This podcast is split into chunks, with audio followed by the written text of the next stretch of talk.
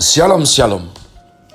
Selamat hari Sabtu 18 September 2021 Kembali jumpa bersama saya Pendeta Kaleb Hofer Bintor dalam anugerahnya. Penuh sukacita sampaikan pesan Tuhan melalui Chris Words yakni suatu program renungan harian yang disusun dengan disiplin kami doakan dengan setia supaya makin dalam kita beroleh pengertian mengenai iman, pengharapan, dan kasih yang terkandung dalam Kristus Yesus Sungguh merupakan kerinduan saya bagi saudara sekalian, agar supaya kasih dan kuasa firman Tuhan setiap hari tidak pernah berhenti menjamah hati, menggarap pola pikir dan paling terutama kehidupan kita boleh sungguh berubah menuju Christ likeness. Masih dalam season autumn dengan tema fruitful, Chris Word hari ini saya berikan judul pengakuan iman rasuli bagian yang ke-37. Pengakuan iman rasuli oleh karenanya mohon jangan berani jemu apalagi bosan. Mari sekali lagi, sekali lagi, entah berapa kali, berulang kali, sampai mengerti. Kita baca sekali lagi pengakuan iman rasuli, aku percaya kepada Allah, Bapa yang Maha Kuasa, Kalik langit dan bumi. Aku percaya kepada Yesus Kristus anaknya yang tunggal, Tuhan kita, yang dikandung dari roh kudus, lahir dari anak darah Maria, yang menderita sengsara di bawah pemerintahan Pontius Pilatus, disalibkan mati dan dikuburkan, turun dalam kerajaan maut, pada hari yang ketiga bangkit pula dari antara orang mati, naik ke surga duduk di sebelah kanan Allah, Bapa yang Maha Kuasa. Dan dari sana ia akan datang untuk menghakimi orang yang hidup dan yang mati. Aku percaya kepada roh kudus, gereja yang kudus dan am, persekutuan orang kudus, pengampunan dosa, kebangkitan orang mati, dan hidup yang kekal. Amin. Kemarin hari saya sudah bahas sama Tuhan bagaimana Romawi tidak menerima Tuhan Yesus dipanggil sebagai Tuhan. Karenanya dalam kekristenan mula-mula, saudara bisa lihat dalam kisah para rasul, sampai kitab Roma, orang Kristen itu dibantai, disembelih, dipenggal, disiksa, disalibkan, berbagai macam upaya umat Tuhan. Mengerikan sekali. Dan hebatnya, mereka bertumbuh, bertambah banyak, dan muncul orang-orang berkualitas yang hebat luar biasa. Jadi, saya harap kekristenan tidak kehilangan daripada semangat yang demikian, militan yang benar di dalam Tuhan Yesus. Dalam butir yang kedua, kita membaca pengakuan iman rasuli Ya, aku percaya kepada Yesus Kristus, anaknya yang tunggal, Tuhan kita. Inilah yang tidak bisa diterima oleh kekaisaran Romawi. Tapi umat Tuhan, memang semua pemimpin dunia sangat sombong. Ya, pada perang dunia yang kedua di Jepang ada Hirohito di Jerman ada Hitler, di Italia ada Mussolini. Mereka merasa dirinya besar dan ilahi. Xerxes menjuluki dirinya God King. Kalau saudara pernah melihat 300, 1 dan 2, inilah bagian di mana mama saya selalu keberatan karena saya memakai judul film sebagai referensi. Maafkan keterbatasan saya ya umat Tuhan. Tapi secara sejarah yang saya katakan itu betul. Dan kata Jepang berasal dari kata ni, artinya matahari, dan hon atau pon, artinya asal mula. Maksudnya negara di mana matahari berasal. Seluruh dunia melihat matahari karena matahari keluar dari Jepang. Jepang menganggap diri yang paling timur, maka matahari terbit dari Jepang. Jepanglah yang memberkati bumi dengan menerbitkan matahari menyinari seluruh muka bumi. Sombong sekali umat Tuhan dia. Namun ini filosofinya. Matahari di sorga, keturunannya di bumi menjadi kaisar.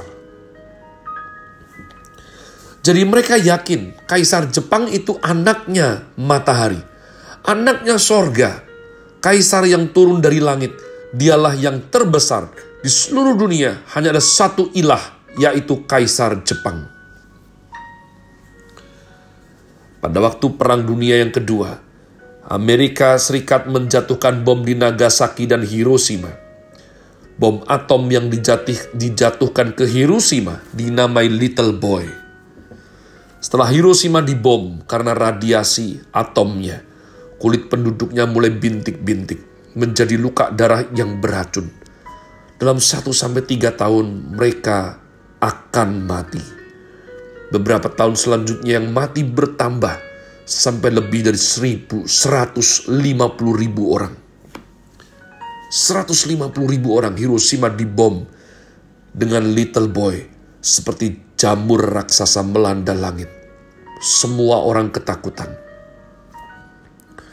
Dahsyatnya cahaya lebih dari ribu kali matahari, sehingga orang-orang langsung mati. Rumah-rumah yang hancur lebih dari seratus ribu area rumah saat dijatuhkan, bomnya meledak di langit tepat waktu yang ditetapkan, dan radiasi mencapai lebih dari 10 kilometer. Maka semua penduduk di sana langsung mati. Di hari ketiga kaisarnya baru sadar Pahit sekali ini. Pahit sekali. Ingat, saya juga tidak menyetujui. Tapi inilah sejarah umat manusia. Semuanya sudah dikorupsi oleh dosa. Dan mereka yang sombong hanya bisa belajar dengan cara yang paling hard way, cara yang paling pahit. Butuh seperti ini semua. Kaisar baru sadar, ia hanya manusia, bukan anak dewa yang turun dari sorga. Sedangkan bom yang di Nagasaki dinamai Fat Man, yang ukurannya lebih besar lagi. Jenderal MacArthur berkata, kita jangan memusnahkan Hirohito karena ia diperdewa demikian mutlak. Jangan membuat seluruh Jepang membenci seluruh dunia. Karena Jepang punya gairah, keberanian, kekuasaan, dan ambisi yang besarnya lebih dari Hitler Jerman. Ini negara yang menakutkan, kata MacArthur. Tahun 1905, Jepang memakai kapal-kapal kecil mengelilingi, menghancurkan bagian bawah kapal induk Rusia dengan bom-bom kecil, lalu menenggelamkannya. Jepang tidak takut kepada Amerika, Inggris, Spanyol, Prancis, Jerman, dan Rusia mereka menganggap Rusia negara terbesar secara teritori di dunia pun kalah. Siapa lagi yang perlu mereka takuti? Maka mereka sengaja pura-pura bersekutu dengan Hitler dan Mussolini. Padahal sesudah selesai semuanya, Jerman dan Italia pun akan dihancurkan. Di atas kapal induk USS Missouri, maka Jenderal MacArthur dan Kaisar Hirohito mendatangani menandatangani perjanjian. Sesudah ini, Jepang menyerah. Menarik kembali semua serdadu di seluruh dunia, dari Asia Tenggara, Hawaii, Amerika. Selain itu, tidak boleh lagi mengembangkan militernya. Angkatan darat, angkatan laut, dan angkatan udara.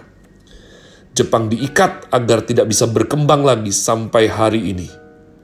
Sekarang dunia sedang mencoba Jepang sedang mencoba bergerak kembali, mengkuatkan militernya. Sejak tahun 1945 di bawah tekanan seluruh dunia, Jepang dan Jerman tidak boleh lagi mengembangkan militer.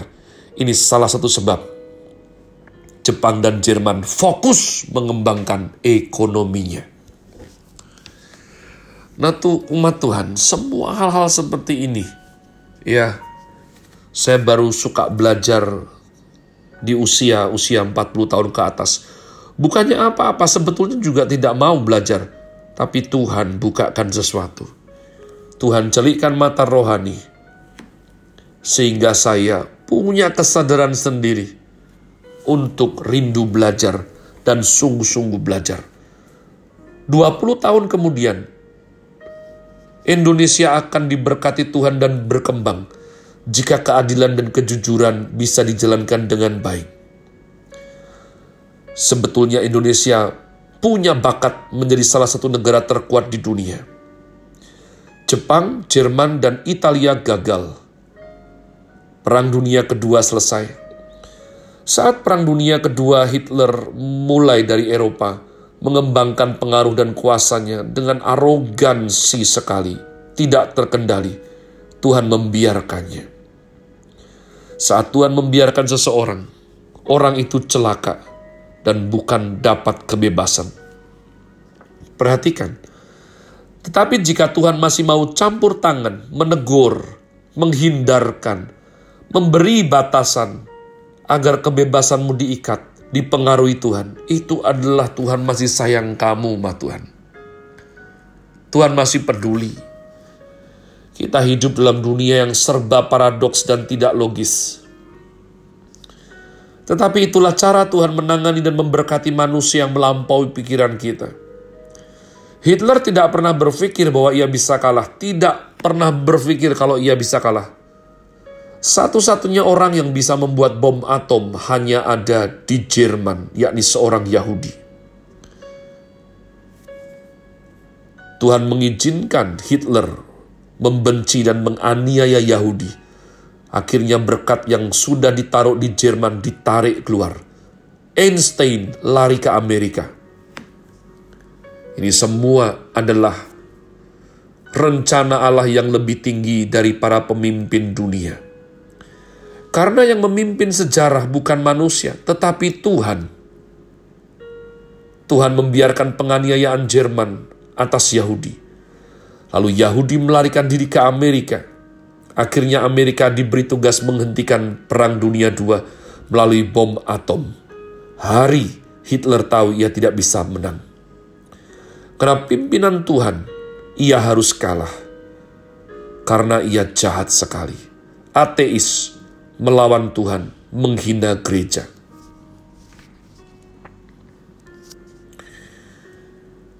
Umat Tuhan, saya berdoa sungguh supaya engkau rindu belajar, ya, dan memang jujur, kalau beberapa di antara saudara itu merasa kandungan Chris Word hari ini terlampau berat, biasakanlah, tidak apa-apa. Ini saatnya kita belajar makanan-makanan keras, tidak hanya bubur saja, tidak hanya susu saja.